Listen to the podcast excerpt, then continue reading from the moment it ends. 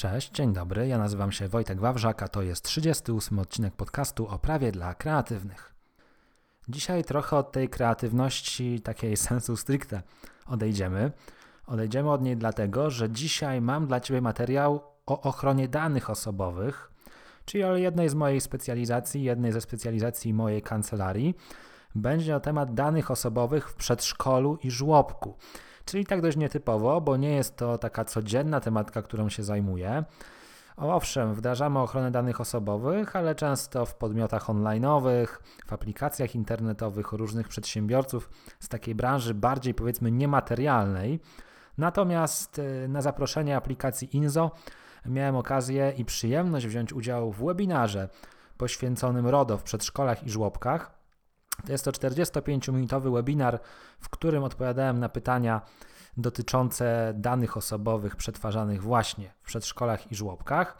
No i mam dzisiaj dla Ciebie zapis audio tego webinaru, a gdybyś chciał obejrzeć pełne wideo, ono również jest dostępne. Ono jest dostępne poprzez mój blog, znajdziesz na nim link do wideo. Natomiast link do bloga znajdziesz w opisie tego odcinka. Jeżeli wolisz czytać, dostępna jest również wersja tekstowa do czytania. Nie ma problemu, żebyś zapoznał się również z wersją artykułową. Zatem RODO w przedszkolach i żłobkach, nie przedłużając, zapraszam Cię do odsłuchu zapisu webinaru poświęconego tej tematyce, a my usłyszymy się jeszcze na zakończenie już po odtworzeniu właśnie tego zapisu webinaru. No to udanego słuchania. E, moim i Państwa gościem w dniu dzisiejszym jest pan Wojciech Wawrzak, radca prawny oraz autor bloga Prakreacja. Pan Wojciech na co dzień zajmuje się właśnie między innymi e, sprawami e, ochrony danych. W dniu dzisiejszym będziemy poruszać takie tematy, jak między innymi wyjaśnimy sobie, czym jest RODO oraz, oraz jaki jest też cel ochrony danych. E, porozmawiamy sobie o przetwarzaniu danych wrażliwych w przedszkolach i w żłobkach. E, porozmawiamy o dobrych praktykach, e, jakie należy wdrożyć w przedszkolach i żłobkach oraz o przetwarzaniu danych w celach rekrutacyjnych oraz wizerunkowych. E, tak jak zawsze, e, dzisiejszy live będzie miał e, formę rozmowy, czyli z panem Wojtkiem porozmawiamy sobie na ten temat. Natomiast w drugiej części zrobimy sobie standardową sesję QA, do której oczywiście gorąco zachęcam. Zadawajcie pytania na czacie. Na te pytania pod koniec dzisiejszego spotkania odpowie pan Wojciech. Więc na sam początek, panie Wojtku, bardzo krótko, dosłownie w dwóch zdaniach, czym pan na co dzień się zajmuje? Sprowadzę specjalistyczną kancelarię butikową zajmującą się między innymi właśnie danymi osobowymi. Mm, wprawdzie codziennie w branży kreatywnej, czyli trochę innych przedstawicielach zawodów niż dzisiaj, natomiast jeżeli chodzi o dane osobowe, to jest to akurat na tyle temat dość uniwersalny, że myślę, że spokojnie i dzisiaj jakąś wartość dołożymy. Super. W takim razie e, może przedstawmy naszym uczestnikom Czym jest RODO i jaki jest tak naprawdę cel ochrony danych? RODO to jest rozporządzenie unijne. Od tego trzeba zacząć, że to nie jest krajowa ustawa. Mm, to w ogóle nie jest ustawa, jak często błędnie mówią klienci. Natomiast tak naprawdę nie ma znaczenia, czy to jest ustawa, czy rozporządzenie. To można powiedzieć, że taki zbiór przepisów, który w sposób kompleksowy reguluje tematykę danych osobowych mm, i co ważne, robi to w sposób jednolity dla całej Unii Europejskiej. Dzięki temu mamy w ramach całej Unii zbieżny system ochrony danych z pewnymi odrębnościami, bo oprócz tego, że mamy rozporządzenie, mamy jeszcze krajową ustawę o ochronie danych osobowych, która można tak w skrócie powiedzieć, implementuje to RODO do naszego porządku prawnego. Jaki jest cel? No cel jest taki, jaki, jaka sama nazwa wskazuje, czyli właśnie ochrona danych osobowych, ale też od razu powiem, że taka rozważna i roztropna, bo od tego maja 2008 roku, 2018 roku narosło już bardzo, bardzo dużo mitów związanych z RODO, które tak naprawdę dotyczą takich absurdów i nie mają nic wspólnego z ochroną danych, a bardziej z takim rygorystycznym i formalistycznym podejściem do tematu. Dlatego myślę, że dzisiaj postaramy się skupić na również obaleniu trochę takich mitów i absurdów, które krążą przy placówkach oświatowych, przedszkolach i żłobkach w zakresie tych danych osobowych, a właśnie związane są z tą taką mitologizacją RODO w mediach i uczynieniem z tego takiego potwora, który wcale takim potworem nie jest. Dobrze, czyli tego się dzisiaj będziemy trzymać. W takim razie, skoro mowa o przedszkolach i żłobkach, jakie mamy rodzaje przetwarzanych danych w przedszkolach i w żłobkach? Tak naprawdę nie odbiega to od um, jakichkolwiek innych działalności. Na pewno każde przedszkole i każdy żłobek przetwarza tak zwane dane zwykłe, czyli imię i nazwisko, numer telefonu, adres e-mail, um, dane osoby kontaktowej, wszystkie takiego typu dane identyfikacyjne. Natomiast na pewno, i do tego też dojdziemy zapewne w dalszej części naszego spotkania, przetwarzane są również dane tak zwane szczególne, czyli dane w szczególności o stanie zdrowia. No to będzie dotyczyć żłobków i przedszkoli, bo raczej dane o przekonaniach religijnych, światopoglądowych czy seksualność w przedszkolach i żłobkach się nie pojawią. Natomiast dane o stanie zdrowia myślę, że jak najbardziej i w przedszkolu, i w żłobku, chociaż częściowo występują. Zatem dane zwykłe, dane szczególnej kategorii to są takie dwa podziały, które tradycyjnie w RODO funkcjonują. Można powiedzieć, że te dane zwykłe korzystają z takiego podstawowego reżimu ochrony, a te dane szczególne, właśnie w szczególności dane o stanie zdrowia, trochę z takiego podwyższonego poziomu ochrony. Dobrze, a kiedy przetwarzanie danych osobowych w przedszkolu i żłobku jest zgodne z prawem? To jest takie pytanie w ogóle rzeka, bo wyjdźmy od tego, że żeby móc przetwarzać czyjeś dane osobowe zgodnie z prawem, trzeba to robić na jakiejś podstawie prawnej. I RODO trochę tych podstaw prawnych zna. To nie jest tak, że jest tylko jakaś jedna konkretna sytuacja, w której przetwarzanie danych osobowych jest legalne. Takie najczęściej wykorzystywane mm, podstawy do przetwarzania danych to oczywiście jest zgoda, natomiast zgoda jest bardzo często nadużywana. Od razu mówię, że zgoda nie jest jedynym lekarstwem na całe zło i nie na wszystko te zgody trzeba odbierać. Oprócz tego, że możemy przetwarzać dane osobowe na podstawie czyjejś zgody, możemy przetwarzać również czyjeś dane osobowe dlatego, że zawarł z nami umowę. Przykładowo, jeżeli rodzic zawiera z nami umowę o udział swojego dziecka w naszej placówce, no to my dane tego rodzica przetwarzamy po to, żeby się z tej umowy wywiązać i nie musimy w tym zakresie odbierać oddzielnej zgody. Podstawą przetwarzania danych w końcu może być również tak zwany prawnie uzasadniony interes administratora, czyli jeszcze coś innego. Nie mamy zgody, nie mamy nawet umowy, bądź mamy umowę, ale przetwarzamy jeszcze dane w jakimś celu, który jest naszym prawnie uzasadnionym interesem i ten prawnie uzasadniony interes zapewne pojawi nam się przy monitoringu w żłobkach, bo on właśnie będzie realizowany w oparciu o prawnie uzasadniony interes administratora. No i dane osobowe można też przetwarzać legalnie w oparciu o taką podstawę, którą jest realizacja jakiegoś obowiązku nałożonego przez przepisy prawa.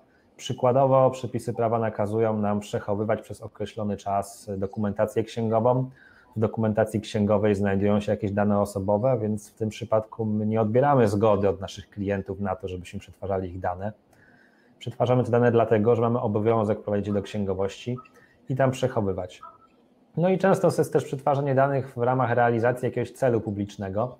To w ramach naszego webinaru może dotyczyć przedszkoli publicznych, które w ustawie prawo oświatowe mają określone konkretne zadania, które mają realizować. No i realizacja tych zadań może wymagać również przetwarzania danych osobowych. Jeżeli ktoś jak gdyby w ogóle po raz pierwszy interesuje się tematyką danych osobowych, to może mu się to wydawać takie trochę zagmatwane i poplątane, mm, natomiast e, prosiłbym, żeby jak gdyby wyjąć z tego najważniejszą kwestię, e, która regularnie na szkoleniach się pojawia, to znaczy nie wpadajmy w taką panikę, że pod wszystko zgodę, bo potem w ramach swojej działalności tworzymy mnóstwo różnych papierków, zgoda na to, zgoda na tamto, kiedy jesteśmy w stanie zidentyfikować inną podstawę prawną legalnego przetwarzania danych. Każde przedszkole mm, prowadzi też y, procesy rekrutacyjne. Proszę nam powiedzieć, y, jakie dokumenty RODO są obowiązkowe w trakcie prowadzenia postępowania rekrutacyjnego w przedszkolach i żłobkach? Jeżeli chodzi o dokumenty, mm, to tak naprawdę to jest kwestia jak gdyby y, wtórna. Zastanówmy się nad kwestią pierwotną, bo to często też się pojawia taki problem, to znaczy jakie w ogóle dane można przetwarzać na potrzeby rekrutacji. I żeby sobie na to pytanie odpowiedzieć, trzeba zajrzeć do ustawy, do ustawy prawo oświatowe, które reguluje kwestie rekrutacji w przedszkolach. no i do ustawy o opiece nad dziećmi do lat 3, które będzie regulować rekrutację w żłobkach. Tam mamy zakres danych, jaki możemy zbierać na temat dziecka. Natomiast jeżeli chodzi o, o dokumenty, mm, to takim najważniejszym dokumentem, jak ja to mówię, ze sfery zewnętrznej, mm, czyli takiej, którą widzą osoby, której dane przetwarzamy, no to jest oczywiście dokument z obowiązkiem informacyjnym.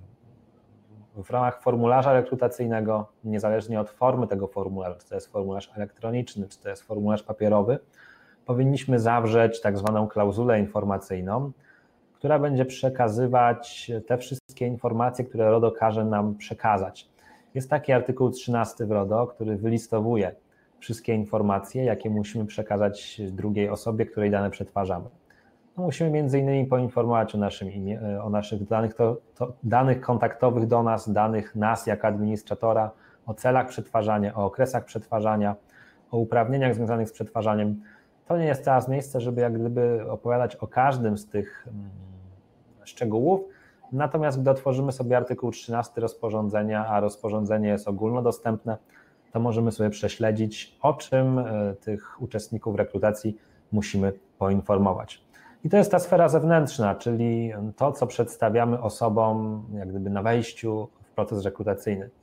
Natomiast jeżeli chodzi o takie zaplecze wewnętrzne, czyli wszystko to, co administrator danych powinien mieć u siebie, a niekoniecznie jest to widoczne dla innych, to są tego typu dokumenty jak polityka ochrony danych osobowych, w której opisujemy procedury, w jakich chronimy dane osobowe w ramach naszej organizacji. To będzie rejestr czynności przetwarzania, w ramach którego grupujemy poszczególne czynności przetwarzania w ramach naszej organizacji.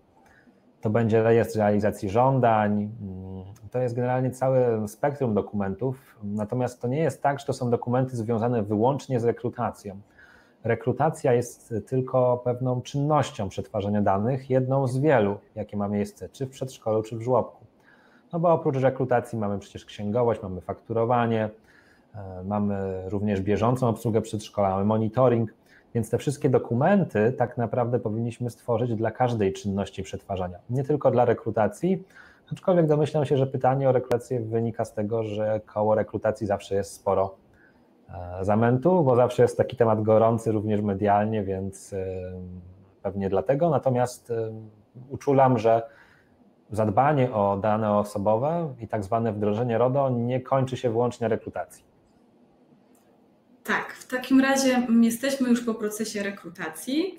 E, sporządzamy umowę e, z naszymi rodzicami i jakie dokumenty RODO powinna zawierać umowa dotycząca świadczenia tych usług opiekuńczo-wychowawczo-edukacyjnych e, przez przedszkole i żłobek?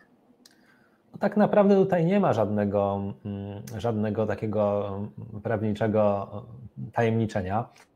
Nie ma tutaj jakichś szczególnych wymagań akurat co do przedszkola i czy żłobka. Oczywiście nie mówię o treści umowy jak gdyby merytorycznej co do zobowiązań stron. Natomiast jeżeli chodzi o te kwestie rodowskie, kwestie związane z danymi osobowymi, to tak jak w przypadku rekrutacji, znowu pojawia nam się przede wszystkim obowiązek informacyjny. Albo wpisujemy taki obowiązek informacyjny prosto do umowy, do jakiegoś paragrafu, na przykład tworzymy paragraf zatytułowany dane osobowe i tam wymieniamy te wszystkie informacje, które powinniśmy wymienić, bądź możemy stworzyć na przykład załącznik do umowy, w którym no, poinformujemy o tych wszystkich kwestiach związanych z przetwarzaniem danych. Oczywiście, jeżeli my przewidujemy na przykład, że chcielibyśmy odbierać od rodziców zgody na rozpowszechnianie na przykład wizerunków ich dzieci na fanpage'u naszego przedszkola czy żłobka, na stronie internetowej, czy w jakichś działaniach marketingowych, no to takiej umowie może towarzyszyć jeszcze taki dodatkowy dokument właśnie ze zgodą na rozpowszechnianie wizerunku. Natomiast na tym tak naprawdę kwestia się kończy. W zakresie danych osobowych no nie ma jakichś szczególnych tutaj skomplikowanych mm, procesów. Tak naprawdę wystarczy ten obowiązek informacyjny, ewentualnie zgoda tam, gdzie ta zgoda rzeczywiście jest potrzebna. Rozumiem. A co w przypadku, jeśli placówka korzysta e, z monitoringu w przedszkolu? E, czy korzystanie jest zgodne z RODO, czy potrzebujemy do tego jakichś odpowiednich zgód e, rodziców, no i pracowników również? Tutaj należy rozróżnić sytuację monitoringu w przedszkolu od monitoringu w żłobku, dlatego że monitoring w przedszkolu jest uregulowany wprost w przepisach ustawy prawo oświatowe i w określonych celach tam zdefiniowanych, które wiążą się z zabezpieczeniem mienia, e, ochroną mm, naszych informacji, zapewnieniem bezpieczeństwa. Taki monitoring może być wdrażany bez pytania o zgodę. Mm, co więcej, w żłobku też będziemy mogli taki monitoring wprowadzić bez pytania o zgodę, tylko będzie to procedura trochę bardziej zaawansowana, bo trzeba będzie jeszcze przeprowadzić tak zwany test uzasadnionego interesu. Natomiast y, od razu uprzedzę takie pytanie, które często pada, bo spotykam się z takim przekonaniem, że od czasu RODO monitoring jest zakazany. To jest błędne przekonanie, to jest taki trochę mit. Monitoring jest nadal dopuszczalny pod określonymi zasadami. On ma być nieinwazyjny, ma obejmować określone przestrzenie, ma być realizowany w określonych, ściśle wyznaczonych celach. No i oczywiście o tym monitoringu trzeba w ramach tego obowiązku informacyjnego poinformować, gdzie są kamery, jaki jest okres przechowywania nagrań, jakie są cele prowadzenia tego monitoringu, jakie są zasady uzyskiwania dostępu do tego monitoringu. Także monitoring jak najbardziej w zgodzie z RODO można wdrożyć, natomiast trzeba po prostu zrobić to odpowiednio. Dobrze. Teraz przejdziemy do takiego pytania związanego z upoważnieniami. Czy w, upoważnieniach do odbioru dziecka z przedszkola lub żłobka jest również konieczna zgoda na przetwarzanie danych osobowych e, osoby, której to upoważnienie dotyczy? W tym zakresie prezentowane są dwa podejścia, mm, bo bardzo często można się spotkać, że na tych wszystkich upoważnieniach wpisywana jest z automatu ta zgoda na przetwarzanie danych osoby upoważnionej Natomiast osobiście uważam, że przetwarzanie danych takiej osoby można oprzeć na innej podstawie. Mianowicie jednym z obowiązków i w ogóle celów przedszkola żłobka jest również zabezpieczenie bezpiecze, zapewnienie bezpieczeństwa dziecku. No a zapewnienie bezpieczeństwa dziecku wiąże się również z tym, żeby jak gdyby wyda, wydać je w ręce właściwej osoby. W związku z tym możemy oprzeć takie przetwarzanie na innej podstawie prawnej nie odbierając zgody, a po prostu realizując obowiązek informacyjny w stosunku do tej osoby, która jest mm, upoważniona. Natomiast zgoda tutaj też wielkim błędem nie będzie. Mm, problem polega na tym, że zgodę zawsze można cofnąć. Natomiast y, skutki cofnięcia akurat w tym przypadku będą mało inwazyjne, no bo jeżeli przyjdzie nam osoba upoważniona do odbioru i powie, że cofa zgodę na przetwarzanie jej danych, no to my jej powiemy, że przepraszam, ale no to nie, nie możemy dalej tego upoważnienia respektować. Więc de facto w praktyce zgoda też błędem nie będzie, ale jeżeli ktoś nie chciałby w takim formularzu dodatkowej zgody zamieszczać, to myślę, że może to ograć również powołując się na inną podstawę przetwarzania. Super. A czy zgoda na wykorzystanie wizerunku dziecka jest również zgodna z RODO? I teraz znowu, to zależy o jakim wykorzystaniu wizerunku będziemy mówić, mm, bo jeżeli będziemy na przykład wykorzystywać wizerunek stricte wewnętrznie, bo to się będzie mieścić w jakiejś naszej działalności tej oświatowej właśnie, to znaczy, nie wiem, wyobrażam sobie, że możemy zrobić jakieś zdjęcia z uroczystości wewnętrznych i na przykład wewnątrz klas je dzieciom prezentować, czy rodzicom na jakichś tam spotkaniach, no to to będzie się mieściło jak gdyby znowu w realizacji celu, jakiemu ta placówka służy, y, czyli temu, że ma integrować te dzieci, pokazywać im określone wartości itd., tak itd. Tak Natomiast w sytuacji, w której my byśmy chcieli te zdjęcia puszczać gdzieś dalej, w szczególności publikować na swojej stronie internetowej, publikować w mediach społecznościowych, a to się najczęściej spotyka, że pokazywać, że u nas jest fajna atmosfera, że generalnie są fajne zajęcia i wszystko jest cacy, to rzeczywiście na taką eksploatację wizerunku już powinniśmy mieć zgodę. Natomiast pytanie, czy ona jest zgodna z RODO, mm, to zależy, jak ją sformułujemy. Znowu wrócimy do takiej odpowiedzi, że można odbierać zgody na rozpowszechnianie wizerunku. RODO nie zabrania tego, natomiast trzeba zrobić to odpowiednio, czyli trzeba odpowiednio tę zgodę zaprojektować, żeby jej treść była właściwa, no i żeby spełniała wszystkie wymagania związane z przetwarzaniem danych osobowych, czyli informowała znowu o tych wszystkich szczegółach. Krótko mówiąc, można przyjąć sobie taką zasadę, że nadrzędnym celem RODO w zakresie tych obowiązków informacyjnych jest to, żeby ta druga osoba zawsze wiedziała, co będzie się działo z tymi jej danymi. No i jeżeli my odbieramy od rodziców zgodę na rozpowszechnianie wizerunku dziecka, no to przyjmijmy sobie w głowie po prostu, żeby oni w pełni wiedzieli, co rzeczywiście z tym wizerunkiem będzie się dalej działo. I nawet nie ma tu teraz jakiejś wielkiej prawniczej magii w przygotowywaniu takich dokumentów, bo chodzi po prostu o precyzyjny opis tego, w jaki sposób ten wizerunek będzie wykorzystywany. Więc o wizerunek dzieci też również bym się nie bał, jest to jak najbardziej do zrobienia. Dobrze, a proszę nam powiedzieć, co należy do danych wrażliwych? Kiedy w ogóle mamy prawo je pobierać? Jak chronić takie dane w przedszkolu i żłobku? Czy domyślam się, że w przypadku przedszkoli i żłobków dane wrażliwe, czyli dane o stanie zdrowia, pojawiają się głównie, jeżeli chodzi o na przykład jakieś przeciwwskazania przy dietach, no bo jeżeli mamy jakąś dietę dla dziecka, no to często będzie się to wiązało z tym, że rodzice nam przekażą informację, dlaczego ta dieta, a z tej diety można wywnioskować jakieś schorzenie, więc tu przetwarzamy dane o stanie zdrowia. Domyślam się również, że te dane mogą się pojawić w sytuacji, w której mamy jakąś, nie wiem, pielęgniarkę, czy jakąś inną osobę odpowiedzialną za obsługę medyczną, one wtedy również się pojawią. No więc odpowiadając na pytanie, kiedy my możemy je zbierać, no to wtedy, kiedy jest to potrzebne. To znowu jest taka wada i zaleta RODO, że ono nie stawia konkretnych, precyzyjnych wymogów, kiedy można jakoś tak kazuistycznie, że w przedszkolu to wtedy i wtedy. Ono nam raczej mówi, drogi administratorze, drogi dyrektorze placówki, zastanów się, czy rzeczywiście w danym momencie dane są Ci potrzebne, czyli zbieraj je tylko tam, gdzie rzeczywiście masz do tego jakiś cel. Więc trzeba po prostu trochę racjonalnie do tego podejść i też o, uwolnić się od tych demonów medialnych i po prostu zastanowić się, kiedy rzeczywiście te dane medyczne się pojawiają i czy pojawiają się w tym momencie dlatego, że jest to uzasadnione. Jeżeli to jest uzasadnione jakimś wyższym celem, tak kolokwialnie mówiąc, to jest to dopuszczalne. Natomiast jak je zabezpieczać? No tutaj znowu RODO nie mówi nam, drogi administratorze, musisz mieć to, to, to i to. Mówi nam, że musisz zrobić to tak, żeby było bezpiecznie.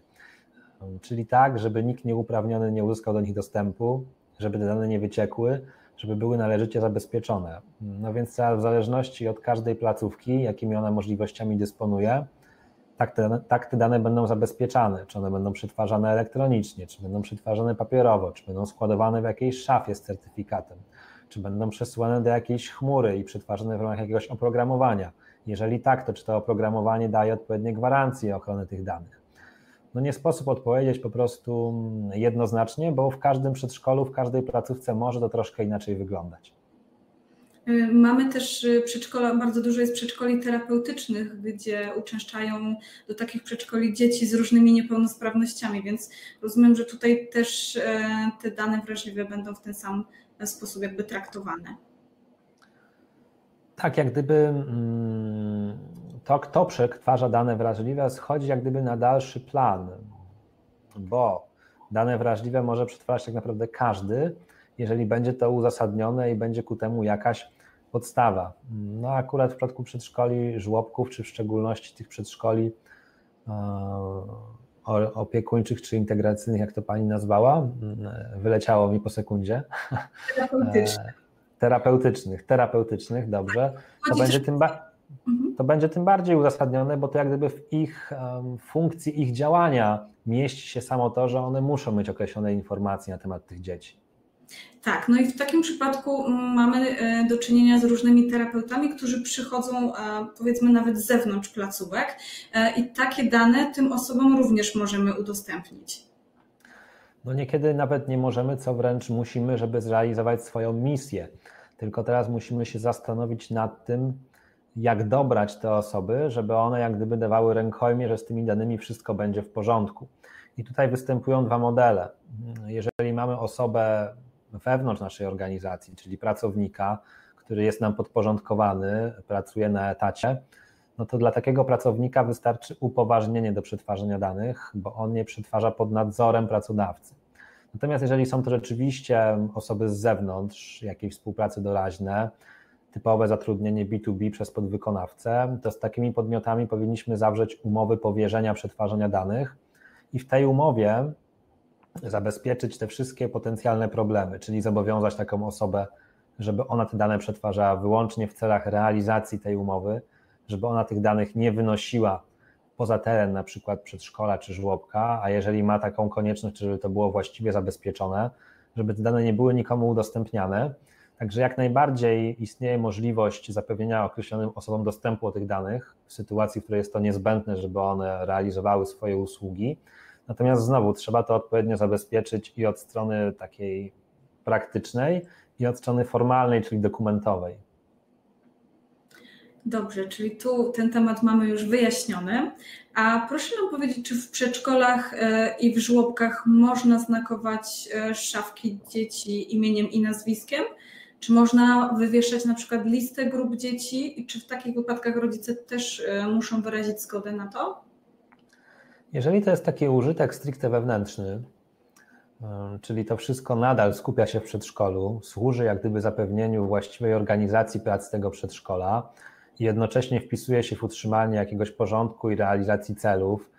Na przykład zakładamy sobie, że będziemy przechowywać jakieś tam przybory dzieci, żeby nie musiały ich nosić, czy żeby się nie zgubiły, no to jak najbardziej jakie oznaczenie będzie dopuszczalne. Po prostu należy na etapie obowiązku informacyjnego poinformować o tym, że takie wykorzystywanie danych będzie miało miejsce w taki i w taki sposób, w taki i w takim celu. Nie popadajmy przede wszystkim w taką panikę, jaka miała miejsce po maju 18 roku, gdzie pojawiały się kuriozalne doniesienia medialne, że teraz nagle dzieci są wywoływane po numerach albo po pseudonimach, bo nie można się do nich zwracać po imieniu albo nazwisku. Zeszyty muszą być zahasłowane, prace konkursowe składane e, z, z, z sygnaturą Smurf, Smurfetka, Gargamel i przyporządkowane w ten sposób. No nie o to chodzi w ochronie danych osobowych jeżeli te dane są przetwarzane wewnątrz przedszkola i one są odpowiednio zabezpieczone i nie mamy tam wstępu osób trzecich, i wszystko jest uzasadnione i ładnie opisane w dokumentach, to przy zdrowym rozsądku możemy to robić. E, a wspomniał Pan właśnie o umowie powierzenia danych osobowych. Co taka umowa powinna zawierać?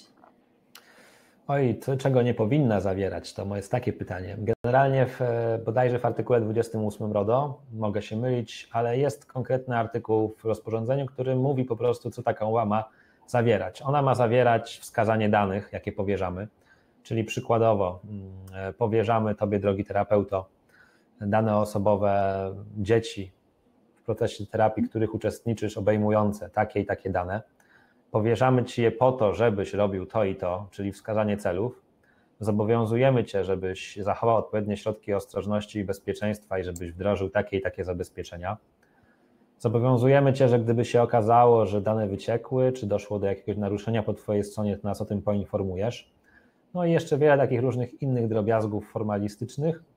Mm, no generalnie moja rada jest taka, że jeżeli będą chcieli Państwo samodzielnie, nasi słuchacze, takie umowy powierzenia konstruować, to najłatwiej po prostu jest odszukać podstawę prawną pod to, dotrzeć do rozporządzenia, co w tej umowie musi się znaleźć, niż bazować na wzorach znalezionych w internecie, bo często te wzory bywają niedoskonałe. Natomiast tak naprawdę najprostszą i taką najbardziej bezpieczną opcją dla każdego przedszkola czy żłobka uważam, że jest powierzenie jakiego procesu wdrożenia tej ochrony danych jednemu podmiotowi.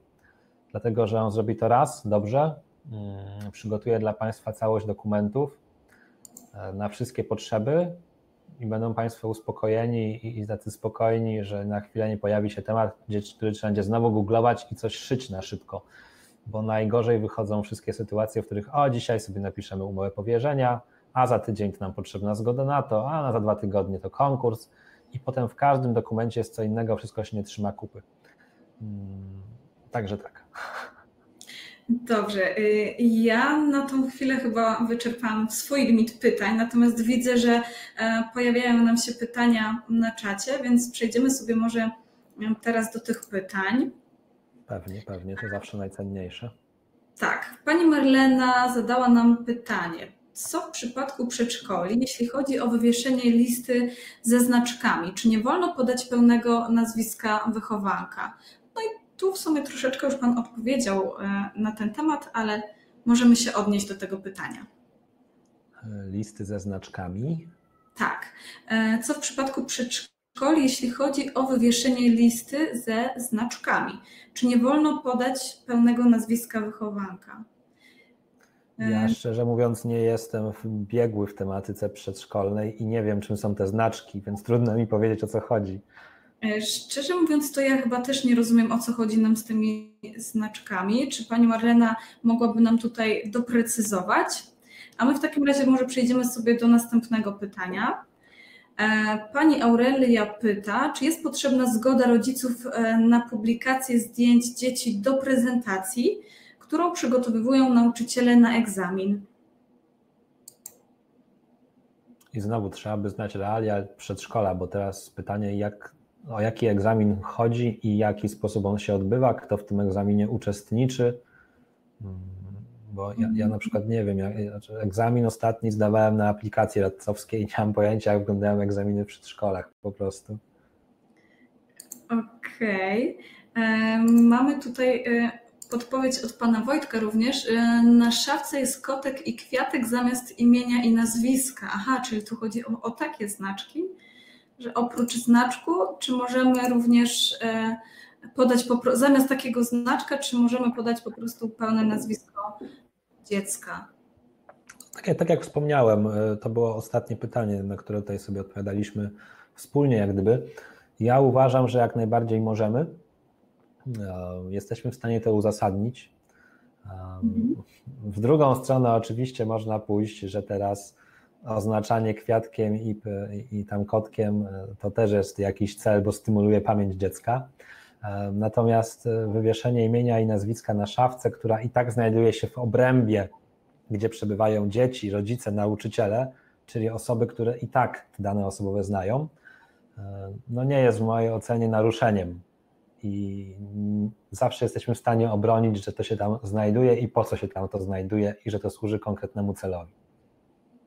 Tak, pani Anna też tutaj do, e, dopisała, że w szatni jest po prostu lista dzieci, imię i nazwisko oraz znaczek, który e, dziecku zostaje przyznany.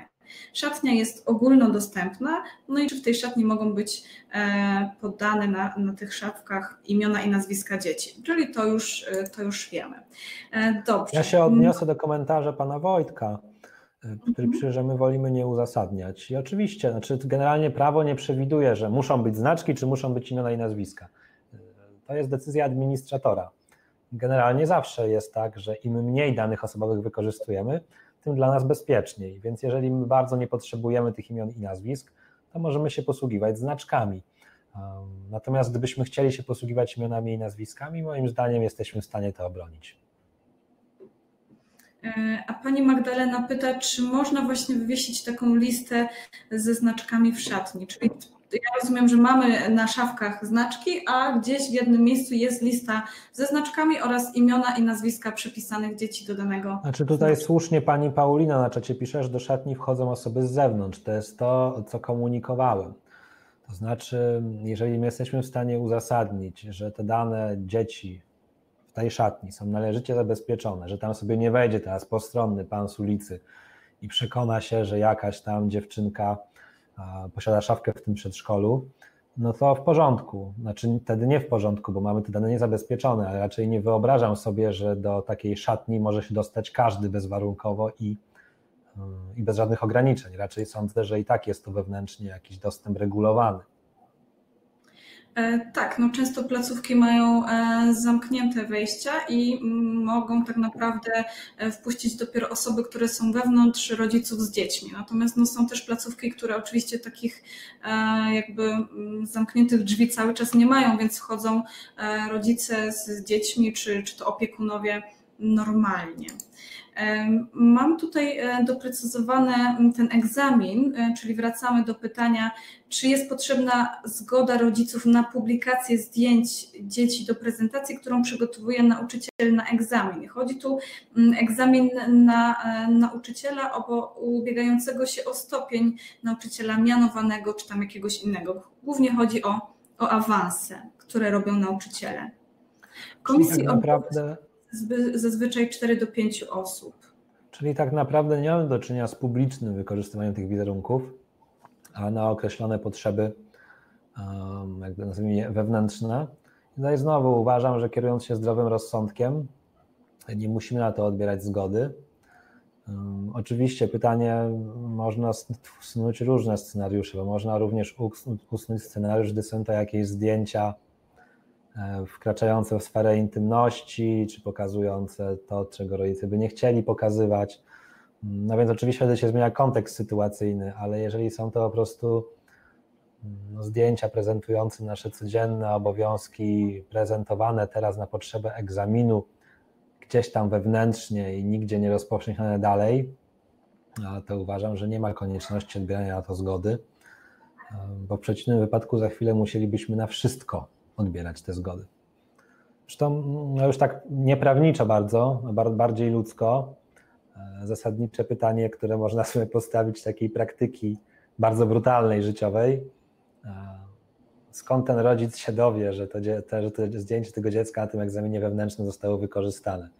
Wiem, że jest to słaby argument, natomiast e, często przedsiębiorcy dokonujący kalkulacji różnych biznesowych tak do naruszeń podchodzą. E, dobrze, przejdźmy w takim razie do kolejnego pytania.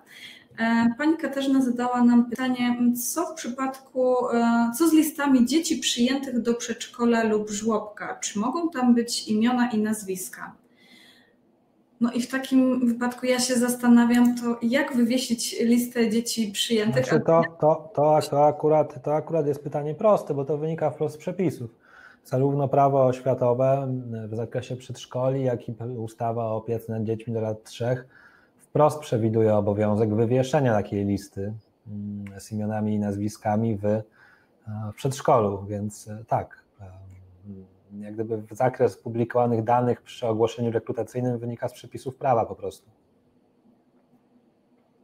Dobrze, czyli Także mam... proszę, proszę bynajmniej nie zbierać zgody na, od rodziców na publikację zdjęcia dziecka, które dostanie się do przedszkola. Dobrze, mamy e, pytanie kolejne od pani Arlety. Czy zgoda rodziców wystarczy, kiedy wysyłamy materiały ze zdjęciami do różnych programów zewnętrznych, na przykład czyściochowe przedszkole, czy do czasopism fachowych, na przykład bliżej przedszkola? Teraz zależy, jakim celom te programy zewnętrzne służą, bo jeżeli one służą właśnie jakimś naszym działaniom relacyjnym, informacyjnym, marketingowym, to jak najbardziej potrzebujemy zgody. Ale jeżeli mamy jakieś oprogramowanie wewnętrzne, które pomaga nam realizować jakieś cele dydaktyczne, to ono będzie po prostu jak gdyby kolejnym podmiotem przetwarzającym najczęściej i wtedy zgody nie trzeba, więc jak gdyby nie patrzymy przez pryzmat y, programu, to przez pryzmat celu. Jeżeli są to cele, które realizuje przedszkole w ramach swojej działalności statutowej, to zgody nie potrzebujemy. Jeżeli jest to cel jakiś własny przedszkola, w szczególności promocyjny, marketingowy, PR-owy, wizerunkowy, to jak najbardziej zgoda jest wtedy potrzebna. Super. Mamy też kolejne pytanie od pani Agnieszki. W gabinecie mam szafę przeszkloną, w której znajdują się segregatory opisane z imienia i nazwiska. Do gabinetu przychodzą e, rodzice z dziećmi, które dopiero ubiegają się o przyjęcie do przedszkola. Czy to jest właściwe? Czyli mam na myśli tą, ta przeszklona szafa. Czy jak gdyby to odpowiedź jest od razu też dość prosta, nie jest to właściwe, Znowu, nie jest to samobójstwo, nie jest to naruszenie danych osobowych e, jakieś bardzo dotkliwe, e, nie jest to wykorzystywanie w celach marketingowych bez uprzedniej zgody. Natomiast jeżeli my diagnozujemy, że mamy jakąś dokumentację papierową, której zawarte są dane osobowe, to przechowywanie jej zalecane jest w tak zwanej szafie biurowej klasy A. To są szafy biurowe przeznaczone do przechowywania dokumentów tak zwanych niejawnych, czyli zawierających dane osobowe. To nie jest duży wydatek. Jest w tej chwili na rynku sporo producentów, które takie szafy biurowe z certyfikatami produkuje. No i prawidłowe postępowanie zakładałoby przechowywanie tego właśnie w takowej szafie. I zawsze mówię swoim klientom, że zakup takiej szafy od razu spędza dużo problemów z głowy, takich mentalnych, bo właśnie, a to mamy na półce, a to mamy w segregator tutaj w jakimś kosteczce z a to coś do komórki zniesiemy. A tak to kupujemy tą szafę, dwie bądź trzy, robimy sobie archiwum, przyjmujemy zasadę, że wszystkie dokumenty zawierające dane osobowe przechowywane są w takiej szafie i nagle taki mentalny spokój na nas spływa, że oto wszystkie problemy i wątpliwości swoje rozwiązaliśmy w tym zakresie. Czyli polecamy zakupić szafę. Trochę też jest to zabawne, bo bardzo się rozwinął przemysł tak zwanych mebli RODO, szaf RODO, to tak, tak e, zabawnie się o nich mówi. Natomiast takiej fachowej terminologii to rzeczywiście jest to szafa biurowa klasy A. Gdy zaczniemy się wgłębiać w temat, to okaże się, że w ogóle są różne rodzaje klas tych szaf. Na dokumenty niejawne, tajne, poufne i tak dalej. Natomiast takiej działalności biurowej wystarczająca jest ta szafa biurowa klasy A, wtedy się nią wykazujemy w dokumentacji i nawet jeżeli przydarzy nam się kontrola, to zawsze możemy prze przedstawić, że oto mamy szafę certyfikowaną, bo jesteśmy na tyle przebiegłym, przemyślnym administratorem, który po prostu tak dba o te dane. Super. E, mamy jeszcze jedno pytanie od pani Katarzyny. Do ubiegłego roku w upoważnieniach do odbioru zawarte były dane osoby upoważnionej do odbioru dziecka z numerem dowodu osobistego. W tym roku jest już tylko imię i nazwisko takiej osoby. W jaki sposób ma zweryfikować, że pan Kowalski to ten pan Kowalski od danego dziecka? No więc właśnie to jest dobry przykład na takie racjonalne podejście do RODO. RODO nie mówi nam, przedszkolu, żłobku nie możesz w upoważnieniu do odbioru odbierać numeru dowodu. Nigdzie nie ma takiego przypisu. RODO nam mówi, w przedszkolu i żłobku zastanów się, jakie są dane potrzebne, żebyś zrealizował swój cel. Taki minimalny zakres danych, jaki jest Ci potrzebny, żebyś bezpiecznie zrealizował swój cel.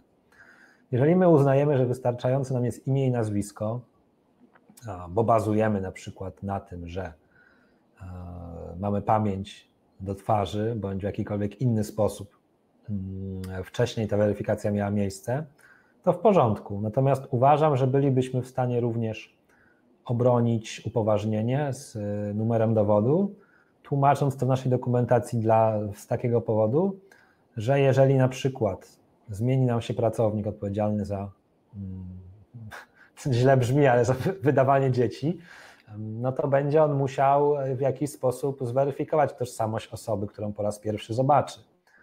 Więc y, akurat przechowywanie tego numeru dowodu może okazać się uzasadnione. I, i uważam, że bylibyśmy w stanie w, w, razie kontroli obronić przechowywanie takiego zakresu danych. Mm, a więc znowu musimy się po prostu zastanowić, jakie nam personalnie dane są potrzebne w takim minimalnym zakresie, żeby realnie realizować swoje obowiązki bo RODO nie jest po to, żebyśmy nie przetwarzali danych w ogóle, tylko żebyśmy przetwarzali je tam, gdzie jest to niezbędne i robili to po prostu w mądry i bezpieczny sposób. E, tak, no dokładnie. Ja już próbuję sobie wyobrazić e, przedszkole, w którym jest 500 dzieci i e, każda z pań musi zapamiętać po dwie, trzy osoby, które są przykładowo upoważnione do odbioru takiego dziecka. No wydaje się to raczej no, nie do ogarnięcia, więc jak najbardziej takie numery dowodu osobistego będą adekwatne do tego, aby wydać takie dziecko odpowiedniej osobie. E, I mamy jeszcze jedno pytanie od pani Moniki. Czy pracodawca ma obowiązek, tak jak w przypadku dzieci, uzyskania zgody na upublicznienie wizerunku lub informacji dotyczących również nauczycieli pracujących w placówce na stronie internetowej lub na profilu Facebooku? Ja bym rozdzielił znowu e, cele, bo jeżeli my, jako pracodawca zatrudniający pracownika, na naszej stronie internetowej po prostu chcemy poinformować o naszej kadrze, to osobiście uważam, że jest to możliwe bez zgody, ponieważ to się mieści jak gdyby w przyjętym standardzie związanym z zatrudnieniem. To znaczy pracownik spodziewa się, że będzie jego, będą jego dane prezentowane jako pracownika. To można porównać do tego absurdu, który był jakiś czas temu, że oto nie można wywieszać imion i nazwisk lekarzy czy nauczycieli na tabliczkach, no bo ochrona danych osobowych. No okej, okay, ale to znaczy, że teraz no, nie wiemy, z kim pracujemy. No, nauczyciel jest anonimowy i lekarz jest anonimowy.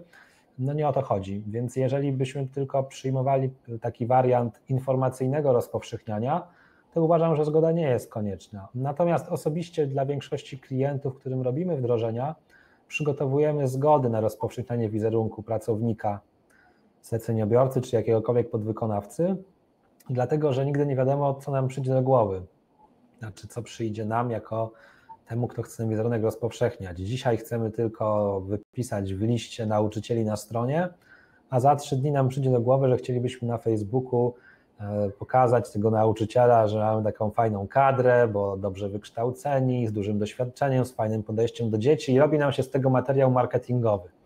No i wtedy już taka zgoda jest potrzebna, więc najlepiej sobie po prostu mieć taki komplet dokumentów przedstawiany osobie przyjmowanej, no, no jak gdyby podpisuje bądź nie podpisuje jako jej zgody, jeżeli sobie by nie życzyła. No i mamy tę sprawę załatwioną. Okej. Okay. Jeszcze przeglądam, ale to w sumie chyba już było um, ostatnie pytanie, które otrzymaliśmy od naszych uczestników.